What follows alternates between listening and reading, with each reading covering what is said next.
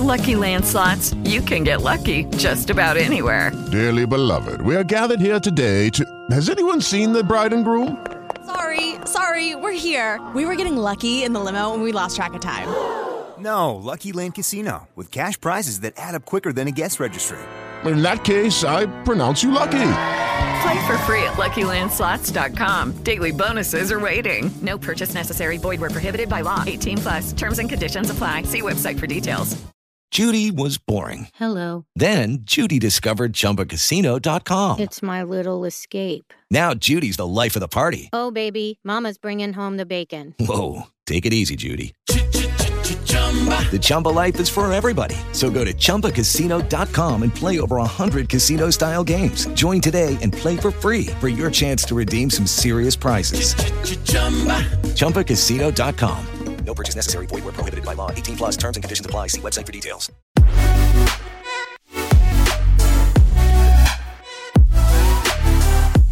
Dzień dobry. Ja nazywam się Agnieszka Kolbuk-Wągiel i jestem adwokatem, partnerem w kancelarii Ipsolegal, a to jest wyjątkowy odcinek prawnej posesji poświęcony sygnalistom. To już dzisiaj, 17 grudnia 2021 roku, powinna zostać implementowana dyrektywa 2019 przez 1937 Parlamentu Europejskiego i Rady Unii Europejskiej z dnia 23 października 2019 roku w sprawie ochrony osób zgłaszających przypadki naruszenia prawa Unii.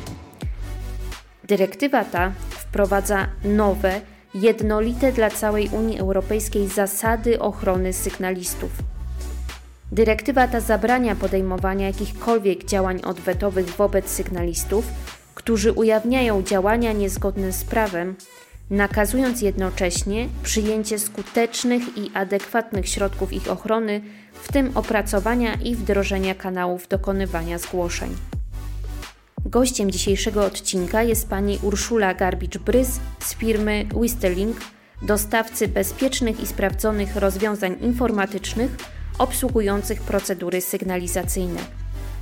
Dlatego w rozmowie, którą za chwilę usłyszycie, rozmawiamy m.in. o tym, kim jest sygnalista oraz kto może być sygnalistą, jakie przykłady nieprawidłowości może zgłaszać sygnalista i w jaki sposób sygnaliści mogą zgłaszać nieprawidłowości.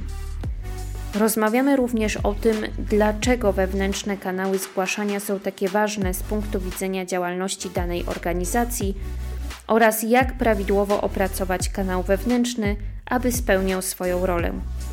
Na koniec odpowiemy sobie na pytanie, dlaczego zgłoszenia wewnętrzne są takie ważne z punktu widzenia wizerunku organizacji i bezpieczeństwa osób kierujących daną organizacją. Dlatego, jeżeli jesteście ciekawi, dlaczego kluczowe jest odpowiednie implementowanie dyrektywy o ochronie sygnalistów i prawidłowe ukształtowanie procedur służących ochronie sygnalistów, a także ochronie organizacji przed następstwami fałszywych zgłoszeń, to serdecznie zapraszam Was do wysłuchania rozmowy z panią Urszulą Garbicz-Brys.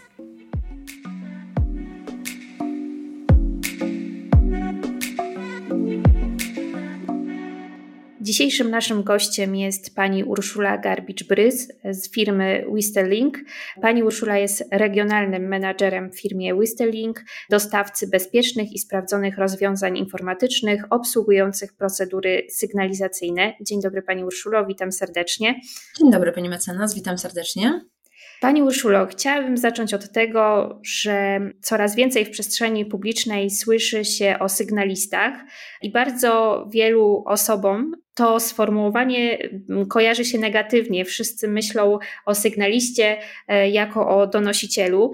To też e, wynika z takiej trochę historii Polski i, i, z czasów słusznie już minionych, e, gdzie faktycznie właśnie takie osoby się pojawiały. I teraz chciałabym, żebyśmy na początku tego podcastu wyjaśniły, kim jest sygnalista i e, kto może być sygnalistą na gruncie właśnie dyrektywy o ochronie praw e, osób zgłaszających naruszenie prawa Unii Europejskiej, czy też obecnie procedowanej ustawy naszej polskiej, która w tym momencie jest w Sejmie, jeśli chodzi o projekt ustawy o ochronie praw sygnalistów.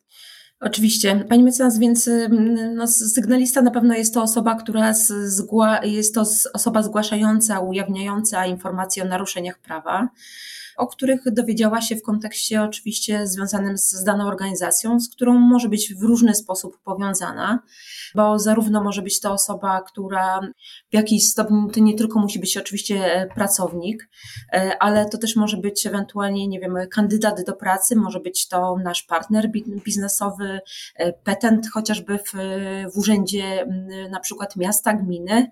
Może być to też oczywiście nie tylko obecny nasz pracownik, ale też i przyszły, tak, nasz były pracownik, e, aktualny pracownik.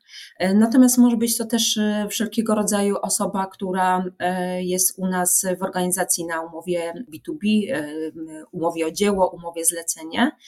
Może być to też wspólnik, może być to czy członek organu, akcjonariusz, może być to też stażysta, zarówno właśnie płatny, jak i bezpłatny, wolontariusz i oczywiście nasz e, jakikolwiek partner biznesowy. Jak pani mecenas też wspominała, oczywiście ten sygnalista kojarzy się z, z cały czas wielu osobom, z donosicielem kap, e, kapusiem, chociaż oczywiście my też chcemy to zmieniać jako, jako whistling. Z drugiej strony też muszę powiedzieć, że dużo rozmawiamy z firmami, które chcą wprowadzić właśnie rozwiązanie w sposób anonimowy, mając to świadomość, jak istotne jest to z punktu widzenia organizacji, więc organizacje też zmieniają ten swój sposób myślenia. Można powiedzieć, że tak jest trochę więcej z tymi organizacjami, bynajmniej z którymi my się spotykamy, mamy do czynienia, to wydaje mi się, że ta większość, większość jednak chce wprowadzać to, to rozwiązanie właśnie z, z pełną świadomością w zakresie istotności takiej organizacji, e, takiego rozwiązania dla danej instytucji. Mhm. A nie wiem, czy też, czy pani się ze mną zgodzi, ale wydaje mi się, tutaj też znając naturę e, nas, Polaków, że bardzo wiele osób może opacznie zrozumieć to, jakie zadania y, spoczywają na sygnaliście oraz to, co w ogóle może zgłosić e, sygnalista. Może się okazać, że tak naprawdę też jak rozmawiamy e, z klientami, e, którymi, z którymi współpracujemy nad wdrożeniem procedury dotyczącej ochrony sygnalistów, to oni właśnie bardzo często zgłaszają nam takie uwagi odnośnie tego, że obawiają się, że po wdrożeniu tego systemu i po 17 grudnia 2020 2021 roku zostaną zasypani ogromem zgłoszeń, które będą dotyczyć po prostu niezadowolenia e, petentów, czy też jakichś e, osób postronnych, niezwiązanych z organizacją, z tego, jak działa dana organizacja. I właśnie e, teraz zmierzam do mojego drugiego pytania. E, jakie przykłady nieprawidłowości może zgłaszać sygnalista?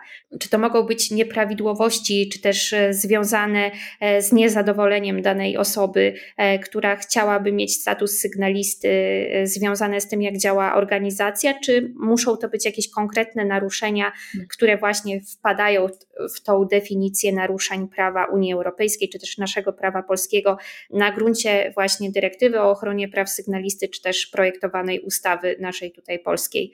Oczywiście.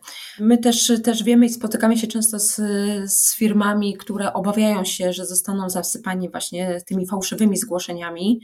E, natomiast no też e, chciałam tutaj przytoczyć statystyki. Zazwyczaj, jeżeli chodzi o te fałszywe e, zgłoszenia, ich jest, w zależności też oczywiście od, od kraju, dotychczas ich jest E, kilka procent, kilkanaście procent, więc y, też, też jakby e, organizacje nie powinny się obawiać tych fałszywych zgłoszeń, e, to raz. Natomiast jeżeli chodzi o kategorię zgłoszeń i to, co sygnalista może zgłosić w zakresie nieprawidłowości, jest określone w dyrektywie. Oczywiście organizacja może ten zakres określony w dyrektywie też rozszerzyć i też zachęcamy do tego. Jeżeli chodzi o te kategorie, które są e, objęte dyrektywą, są to m.in. zamówienia publiczne, usługi finansowe, zapobieganie praniu pieniędzy, finansowaniu terroryzmu. Są to też oczywiście takie kategorie jak ochrona środowiska, bezpieczeństwo produktów transportu, bezpieczeństwo jądrowe, żywności i, i pasz, zdrowie zwierząt, zdrowie publiczne, ochrona konsumentów, ochrona prywatności danych osobowych, czy też bezpieczeństwo sieci i systemów informacyjnych, ale także naruszenie zakresu pomocy publicznej, naruszenia mające wpływ na interesy finansowe Unii, czy też dotyczące właśnie tutaj e, naruszenia w zakresie rynku wewnętrznego Unii ale też na przykład to, co nie jest ujęte w dyrektywie, a wydaje mi się, że też często się może pojawiać w zakresie nieprawidłowości, do czego właśnie zachęcamy instytucje, żeby ujęły, to jest między innymi mobbing, molestowanie seksualne, czy, czy też dyskryminacja. W szczególności właśnie mobbing czy, czy molestowanie seksualne dosyć często może się pojawiać w organizacjach jako jedna z nieprawidłowości, które, no, którym po prostu też takie, takie przykłady zdarzają się i lepiej y, o takich kwestiach wiedzieć, dowiedzieć się wcześniej poprzez właśnie kanał wewnętrzny, niż gdy, gdy ktoś właśnie po 17 grudnia będzie miał tą możliwość zgłoszenia tego poprzez kanał zewnętrzny lub do mediów. Wydaje mi się, że właśnie to jest e, bardzo słuszne, jeśli chodzi o, o mobbing czy, e, czy jakieś molestowanie seksualne, bo jeżeli weźmiemy na, e, jakby te naruszenia, bo oczywiście to jest chronione na gruncie prawa pracy, mniej może chronione na gruncie przepisów kodeksu cywilnego, jeśli chodzi o umowy cywilnoprawne, bo tam trudno by nam było w ogóle jakby zarzucić mobbing czy molestowanie seksualne w wykonaniu umowy cywilnoprawnej.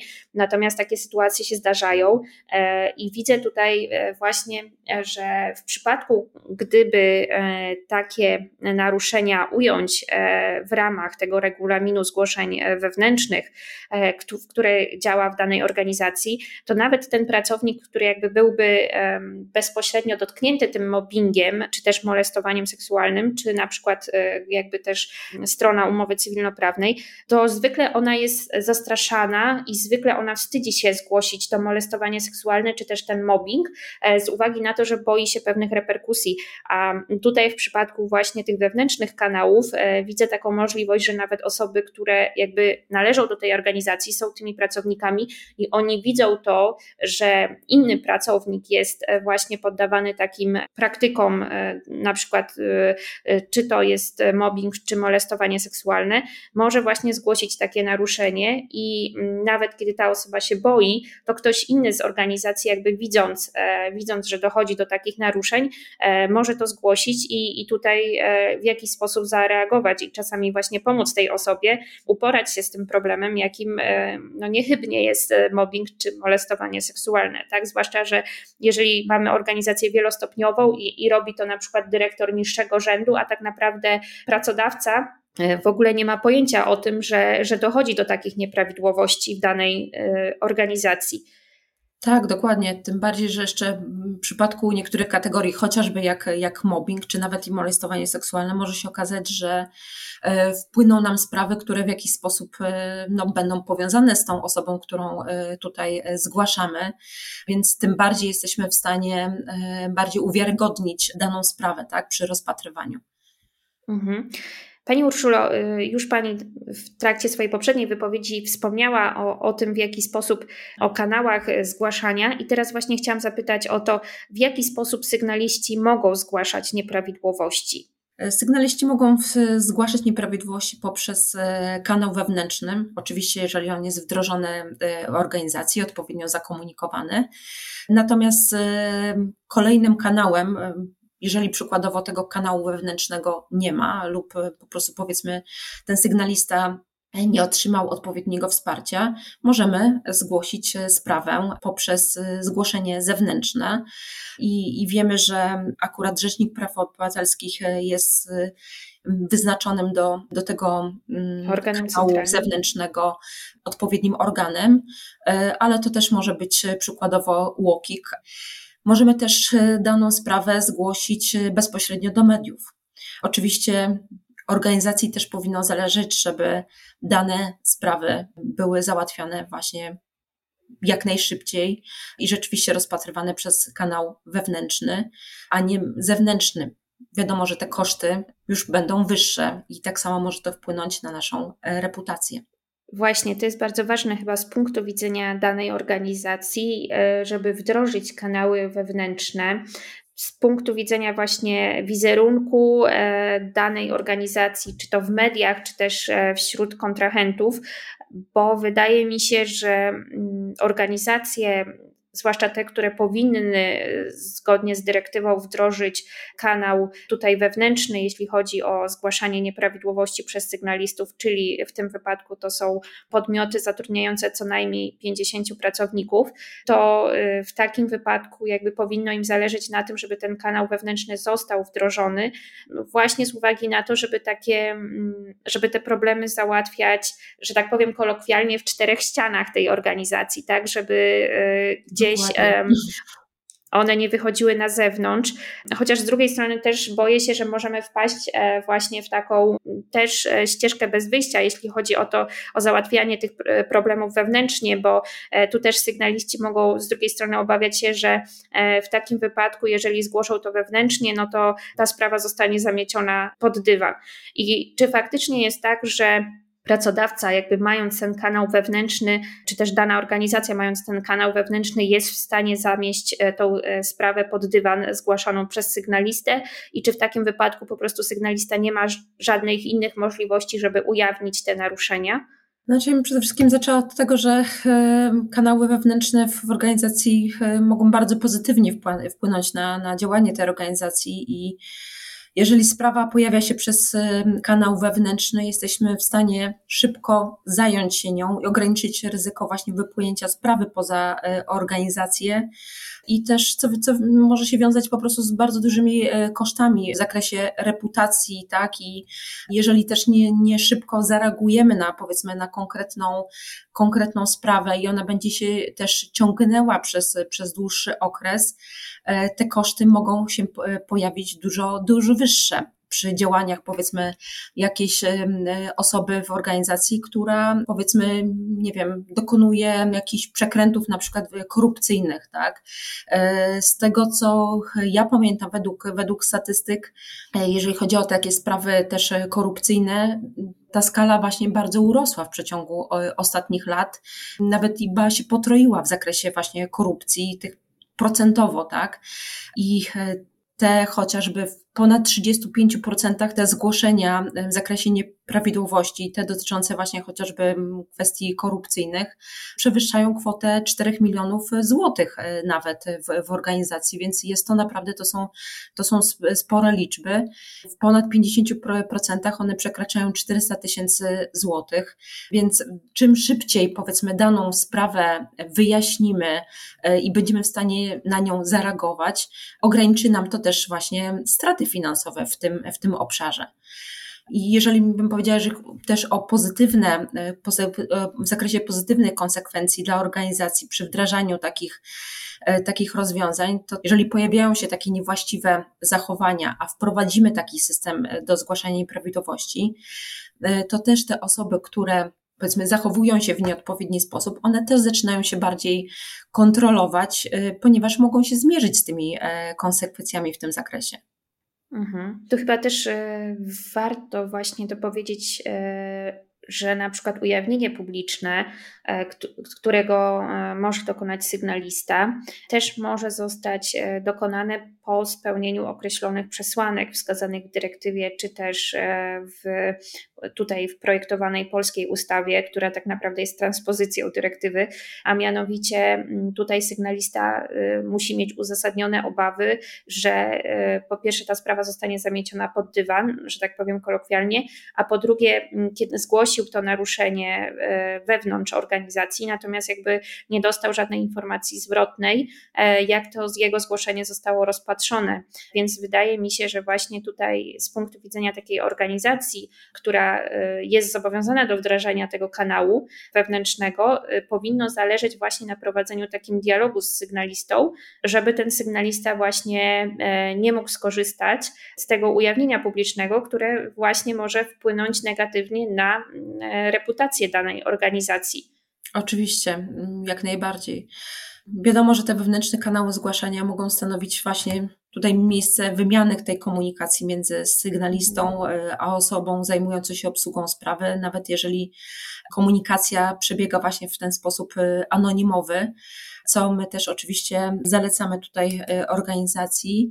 I statystyki też mówią, że w ponad 70%, w 73% dokładnie, sygnaliści, potencjalnie, potencjalne osoby, które chciałyby coś zgłosić w organizacji, chcą to właśnie zrobić w sposób anonimowy. Właśnie z uwagi między innymi na, na to, że obawiają się jakichś konsekwencji w tym obszarze. A Pani Urszulo, w jaki sposób prawidłowo opracować kanał wewnętrzny, aby spełniał swoją rolę. Mhm. E, więc e, kanał wewnętrzny, aby spełniał swoją rolę, powinien być wdrożony w, w sposób e, anonimowy, gdyż właśnie jesteśmy w stanie więcej informacji oczywiście uzyskać od potencjalnych osób, które będą chciały cokolwiek zgłosić, żeby właśnie chociażby uniknąć tego zgłoszenia na zewnątrz. Wiemy, że często właśnie firmy obawiają się wdrażać rozwiązanie w organizacji w sposób anonimowy, właśnie w obawie właśnie przed tą liczną liczbą zgłoszeń.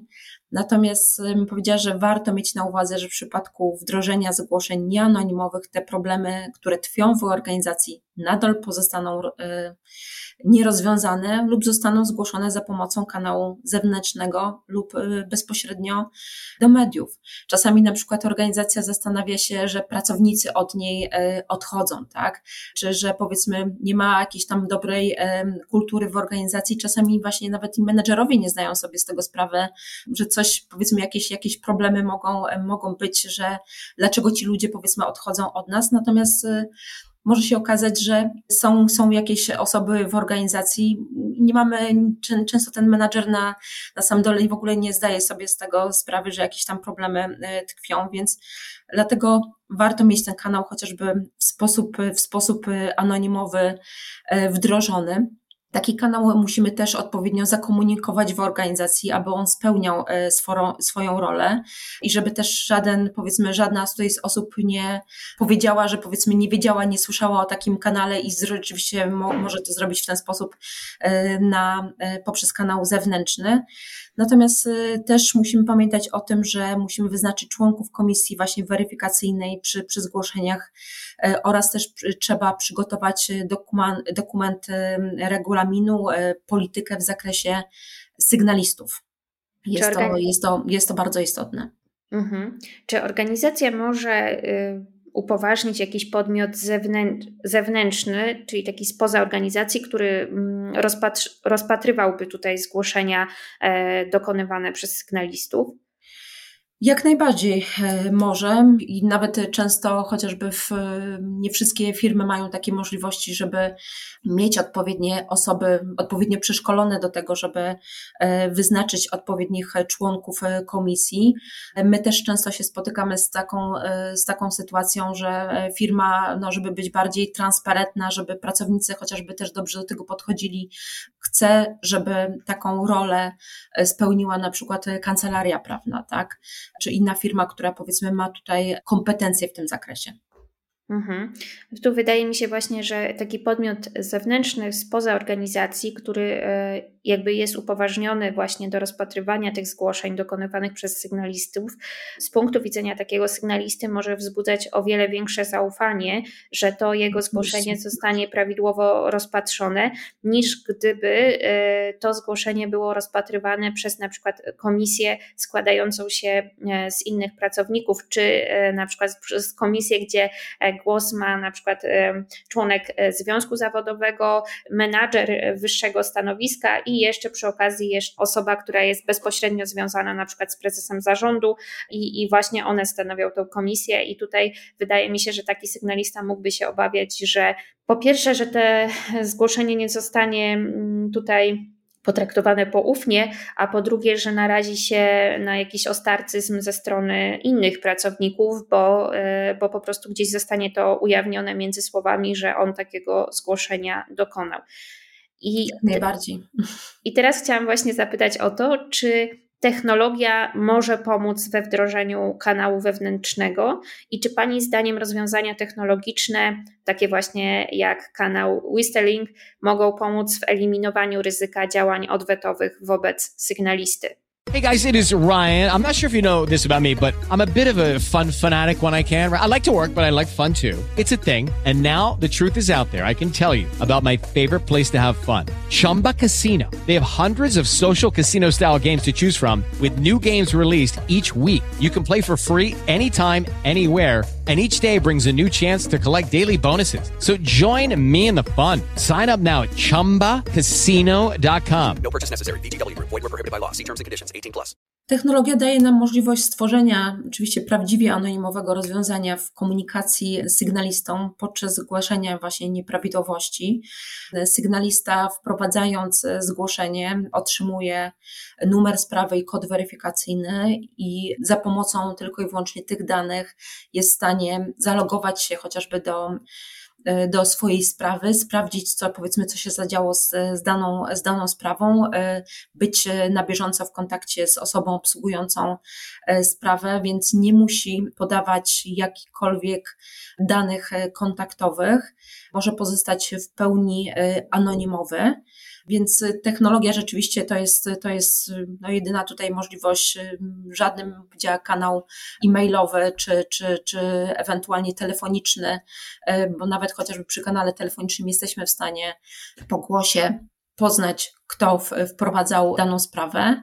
Już nie mówiąc o tym, że przy kanale chociażby telefonicznym ciężko jest zebrać materiał dowodowy i na bieżąco być w kontakcie z sygnalistą.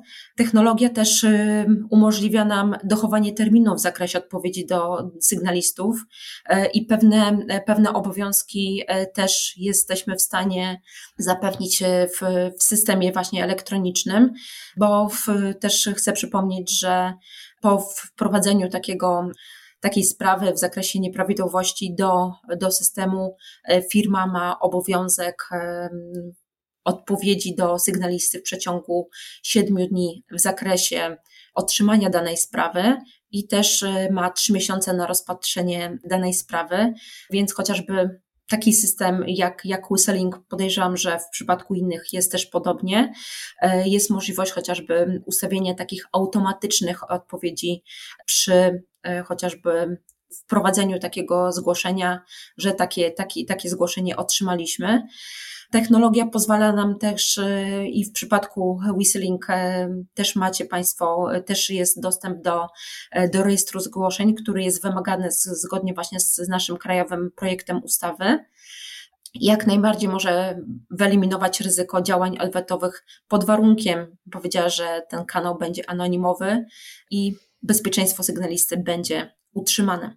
Mhm, bo tu też jest y, ważne to, żebyśmy podkreślili, że tak naprawdę nie możemy w organizacji dopuszczać do tego, żeby mm, te zgłoszenia były dokonywane za pośrednictwem tak zwanych anonimów, które jakby, bo to słowo funkcjonuje w języku polskim i ono jest kojarzone z tym, że tak naprawdę e, po prostu możemy napisać co chcemy i e, generalnie nie podpisać się i ktoś będzie musiał podjąć jakieś działania na podstawie tego naszego anonimu. Natomiast e, ta anonimowość, którą zapewnia system e, czy też kanał wewnętrzny ochrony, jeśli chodzi o zgłaszanie naruszeń przez sygnalistów, musi być też rozumiana w taki sposób, że my musimy temu sygnaliście przekazać tą informację zwrotną, natomiast jakby on nie zgłasza tych naruszeń anonimowo, tak, tak jak to się przyjęło, powiedzmy tutaj w naszym polskim języku, czy też tak jak my to rozumiemy, ale generalnie chodzi o to, żeby to jego zgłoszenie było jak najbardziej poufne, żeby tutaj zminimalizować właśnie do praktycznie zera y, te ryzyko działań odwetowych y, wobec sygnalisty. I właśnie wydaje mi się, że kanały, y, jeśli chodzi o technologiczne kanały, czyli takie kanały jak Whistling, są w stanie zapewnić temu sygnaliście maksymalną anonimowość, jednocześnie zachowując, e, umożliwiając pracodawcy czy też szefowi danej organizacji dialog z takim sygnalistą, bo jeżeli przyjmujemy taki anonim, który jest w potocznym znaczeniu e, rozumiany, czyli ktoś wrzuca niepodpisaną kartkę i tam znajduje się jakieś zgłoszenie, to w jaki sposób teraz pracodawca ma podjąć te działania następcze, tak? W jaki sposób ma zasygnalizować temu sygnaliście, że w ciągu tych siedmiu dni, że on przyjął to zgłoszenie, a następnie, że mm, w ciągu tych trzech miesięcy podjął jakieś działania następcze, prawda? Tak, te, ten kontakt później rzeczywiście w przypadku e, takiego chociażby kanału telefonicznego, czy, czy, czy nawet w przypadku, w przypadku takiego kanału listownego, bo też może oczywiście ktoś, e, e, ktoś dostarczyć rzeczywiście nam kartkę, tak? Często organizacje nawet chociażby stawiają jakąś skrzynkę w organizacji i tam powiedzmy mówią, drodzy, drodzy Państwo, możecie tutaj um, zasygnalizować powiedzmy pewne nieprawidłowości, jeżeli ktoś jest zainteresowany, to może to i wrzucić. Natomiast rzeczywiście później chociażby jakieś zebranie, ewentualnie w razie jakichkolwiek pytań, mamy utrudniony kontakt, więc czasami nie jesteśmy w stanie tej sprawy rozpatrzyć. Natomiast bym powiedziała, jeżeli chodzi o e, takie zgłoszenia w sposób elektroniczny, co jest e, też ważne i e, też z, z, z tej naszej praktyki wiemy, że jeżeli powiedzmy jest, jest zgłoszenie, które mm, powiedzmy może być fałszywe i ktoś powiedzmy celowo chce kogoś y, nie w sposób prawdziwy y, obarczyć jakimiś powiedzmy y, różnymi, różnymi rzeczami, to często jak próbuje się właśnie podjąć ten temat z tą osobą, to często już ta osoba nie odpowiada, więc też można czasami zauważyć, które zgłoszenie jest fałszywe, czy też nie. Przy tych zgłoszeniach fałszywych E, już zazwyczaj nikt nie odpowiada. Mhm.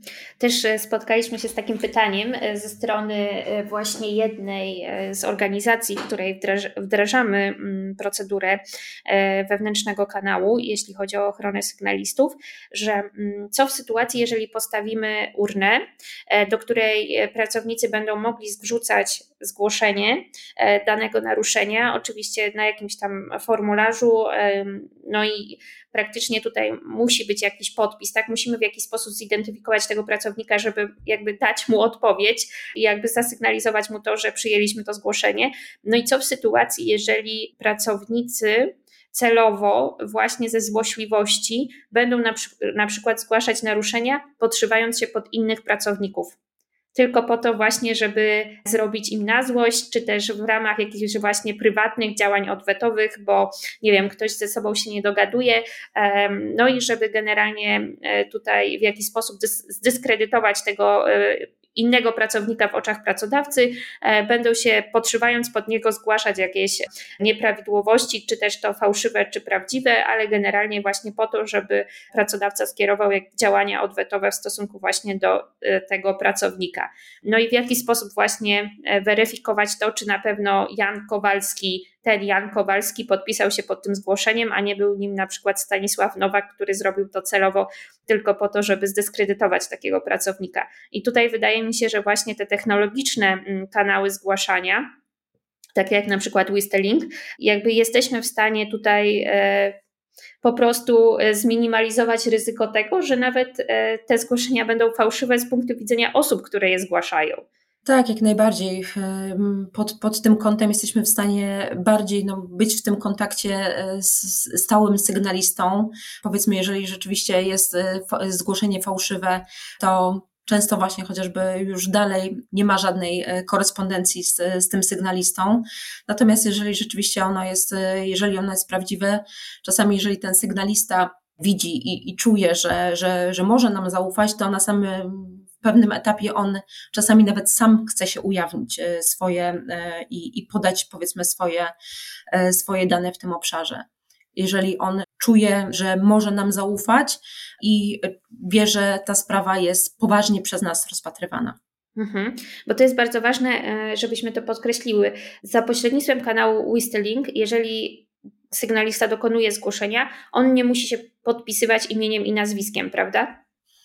E, nie musi podawać żadnych danych osobowych e, i jest w stanie, jesteśmy w stanie komunikować się z nim od razu praktycznie, czyli jeżeli powiedzmy wprowadzi daną e, sprawę, otrzymujemy e-maila, ewentualnie SMS-a o tym, że taka sprawa przyszła do nas, więc dostajemy niezwłocznie taką informację.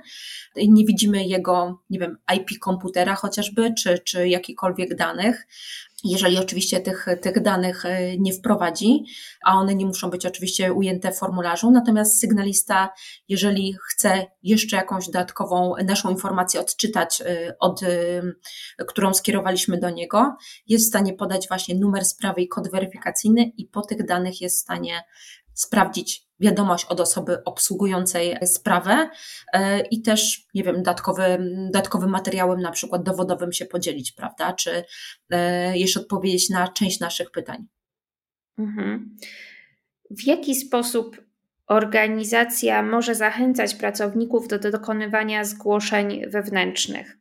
Ja bym powiedziała tak, że e, tutaj właśnie to, słowo e, sygnalizowanie może nie jest e, za, za fortunne. My często też przy, przy takiej komunikacji, przy takich może czasami wzorowych wdrożeniach, widzimy, że jest to komunikowane właśnie w taki sposób, wypowiedz się na przykład, tak? Czyli może zmiana czasami jakichś pewnych słów może dużo zmienić i może zmienić chociażby e, nastawienie pracowników. W zakresie też ważne jest, żeby też w pozytywny sposób zakomunikować pracownikom e, ten aspekt, taki, taki kanał i zapewnić ich, że mogą czuć się bezpiecznie, wypowiadając się w zakresie jakichkolwiek nieprawidłowości w organizacji. I dopowiedziałabym też jeszcze, że istotny jest ten wybór członków komisji, które powinny być szanowane w organizacji, które, których pracownicy nie będą się obawiać. Nie powinny być to na pewno osoby, które no, mogą mieć wątpliwą reputację. Mhm. A czy osoby kierujące daną organizacją, e, pracodawcy, prezesi zarządu spółek, e, jeżeli dana organizacja działa w formie spółki prawa handlowego, spółki ZO czy też spółki akcyjnej, czy takie osoby powinny bać się wdrożenia wewnętrznego kanału ochrony sygnalistów, zgłaszania naruszeń? Nie powinny się bać oczywiście wdrażania takich kanałów. Wiadomo, że te obawy zawsze będą jakieś tam e, na początku.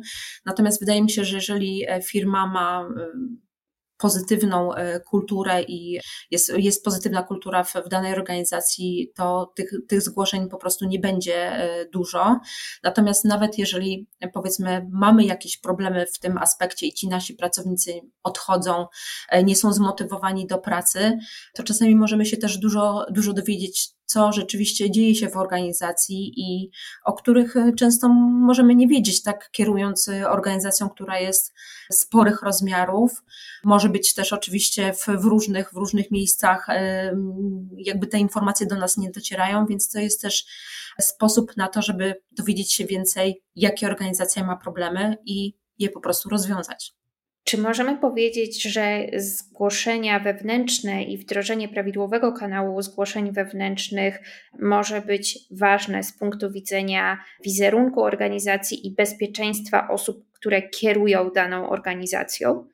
Jak najbardziej, pani mecenas. E, zgłoszenia wewnętrzne są istotne z punktu widzenia nie tylko tych aspektów zgodności z dyrektywą unijną, ale także e, wizerunku biznesowego i kultury organizacji coraz częściej właśnie w krajach e, Unii Europejskiej. Firma, która chce wystartować e, w przetargu lub zapytaniu ofertowym, musi posiadać kanał w zakresie zgłaszania nieprawidłowości, inaczej nie spełnia kryteriów i nie może powiedzmy w takim, w takim zapytaniu czy przetargu e, wystartować. Jest to coraz bardziej popularne w krajach Europy Zachodniej, natomiast też spotkałam się już powiedzmy z takimi przykładami też i w Polsce. Natomiast jeżeli nie udostępniamy naszym pracownikom kanału wewnętrznego, to tak jak mówiłam, nasi pracownicy organizacji mogą zgłosić nadużycie na zewnątrz lub do mediów, co e, może negatywnie wpłynąć na reputację i koszty, które będą po prostu dużo wyższe. Mhm. Czyli tak naprawdę wdrożenie kanału wewnętrznego jest e, istotne właśnie nie tylko z punktu widzenia y, ochrony sygnalistów, ale z punktu widzenia ochrony danej y, organizacji, osób, które tą organizacją kierują, bo przecież te osoby też, jeżeli nie są właścicielami danej organizacji, danej firmy, to jeżeli wykonują te obowiązki kierownicze, to przecież muszą się też e, z tego rozliczyć, tak, w jaki sposób kierują daną organizacją.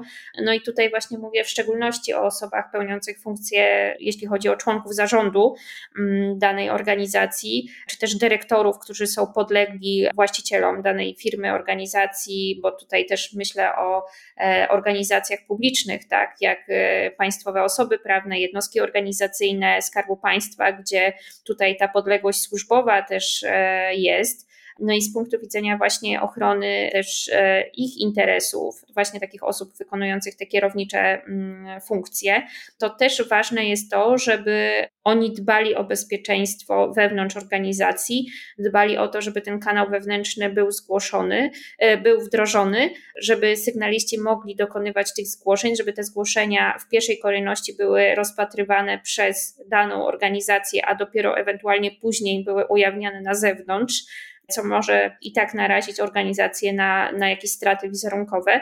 Natomiast jakby też mam takie wrażenie, że z punktu widzenia właśnie tej odpowiedzialności wobec właścicieli danej organizacji, czy, czy, też podległości służbowej, taka osoba wykonująca tę funkcję kierowniczą też powinna właśnie mieć na uwadze to, żeby taki kanał został wdrożony z uwagi właśnie na swoje bezpieczeństwo, czy też sposób, w jaki się rozlicza wobec właścicieli danej organizacji, czy też wobec swoich przełożonych.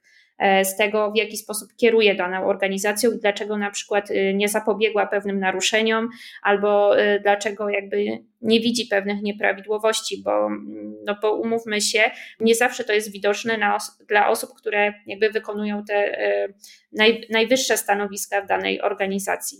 Ja co bym chciała jeszcze zaznaczyć, bo tu jest bardzo istotne z punktu widzenia chociażby projektu krajowego naszego, mhm. że te konsekwencje, te sankcje, chociażby dla, dla firmy, a przede wszystkim tutaj dla, dla zarządu za e, nieposiadanie takich kanałów, nieopracowanie chociażby regulaminu wiążą się bardzo z wysokimi sankcjami i to są sankcje, które są jednymi tutaj z najwyższych wśród tych krajów unijnych i to jest kara właśnie do trzech lat pozbawienia wolności, więc ona naprawdę jest bardzo bardzo sroga. Z tego co kojarzę, to tylko i wyłącznie e, we Francji jest e, taka sama kara w tym obszarze, natomiast w żadnym innym kraju unijnym ta kara nie jest tak dotkliwa jak w Polsce.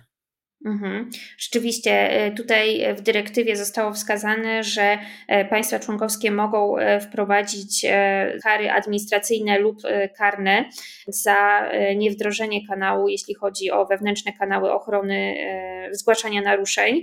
No i tutaj naruszenia obowiązków wynikających z dyrektywy i nasz ustawodawca zdecydował się na to, żeby odejść od kar administracyjnych, które na przykład mamy w ustawie o przeciwdziałaniu praniu brudnych pieniędzy, która też e, jakby została e, wydana na gruncie e, tożsamej dyrektywy i też wdrożona właśnie tutaj na, na grunt prawa naszego krajowego, gdzie mamy kary administracyjne za naruszenie tejże ustawy, natomiast w przypadku ustawy o ochronie praw zgłaszających naruszenie prawa mamy już sankcje karne, czyli nasz ustawodawca odszedł właśnie od tych sankcji administracyjnych, zdecydował się na wdrożenie sankcji karnych. I tu też Pani uprzedziła moje pytanie odnośnie tego, jak właśnie to wygląda w innych państwach Unii Europejskiej, jak to zostało wdrożone. No i wychodzi na to, że z tych krajów członkowskich to tylko Polska i Francja zdecydowała się na te, kar- na te sankcje karne. Tak, Dokładnie. tutaj chociażby z, jeden z, z naszych sąsiadów Czechy, no wiem, że akurat w, polskie, polskie firmy też mhm. mają oddziały chociażby w Czechach. Projekt jeszcze nie przyszedł przez parlament, natomiast z tego co wiem w obecnym kształcie kara jest na poziomie e, miliona koron i 5% obro, lub 5% obrotów.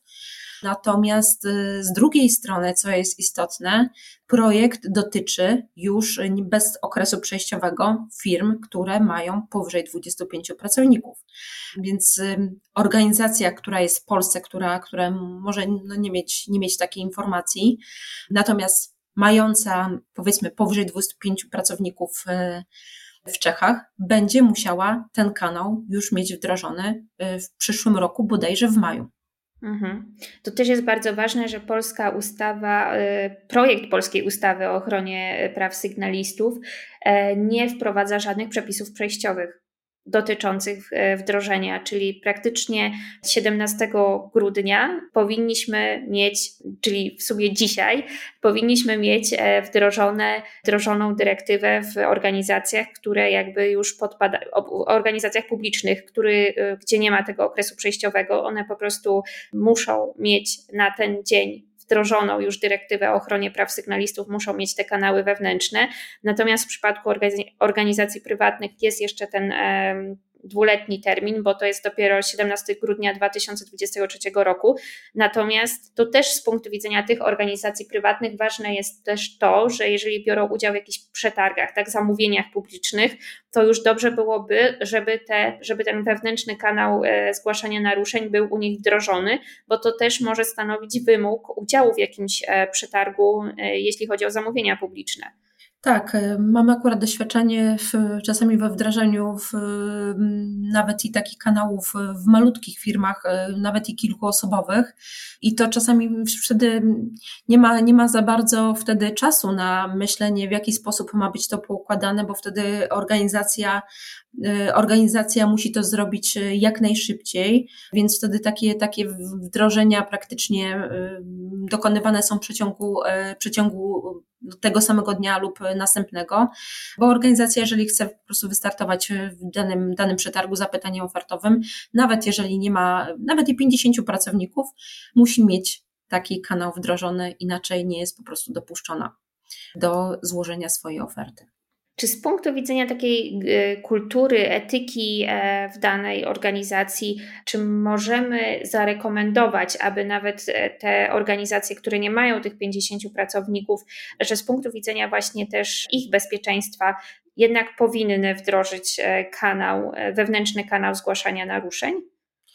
My zalecamy, nawet jeżeli powiedzmy organizacja nie ma 50 pracowników, y, to już bym powiedziała, że w firmie, która ma tych osób kilkanaście, dwadzieścia, różne problemy pojawiają się, o których też czasami y, osoby na wyższych jakichś kierowniczych stanowiskach y, mogą, mogą nie wiedzieć więc jesteśmy w stanie powiedzmy szybciej, e, szybciej zadresować pewne, pewne problemy, które są, e, które wpływają powiedzmy na, na efektywność pracy naszych pracowników, e, na to, żeby pracownicy pozostali z nami na dłużej, żeby byli zadowoleni i zmotywowani do pracy. Mhm. Pani Urszulo, bardzo dziękuję za tą owocną i rzeczową rozmowę. Cieszę się, że zgodziła się Pani być gościem naszego odcinka, gościem tego specjalnego odcinka prawnej posesji poświęconego sygnalistom. Mam nadzieję, że w trakcie tej rozmowy przybliżyłyśmy naszym słuchaczom podstawowe aspekty związane z ochroną praw sygnalistów oraz e, koniecznością wdrożenia kanałów wewnętrznych w danych organizacjach. Ja ze swej strony życzę Pani i całej firmie Wistylink samych sukcesów na polu wdrażania kanałów wewnętrznych. I mam nadzieję, że to nie jest ostatni odcinek, który nagrałyśmy wspólnie i że w przyszłości zgodzi się mm, być Pani e, gościem prawnej posesji właśnie w zakresie ochrony sygnalistów. Bardzo dziękuję. Bardzo dziękuję Pani mecenas. Pozdrawiam serdecznie.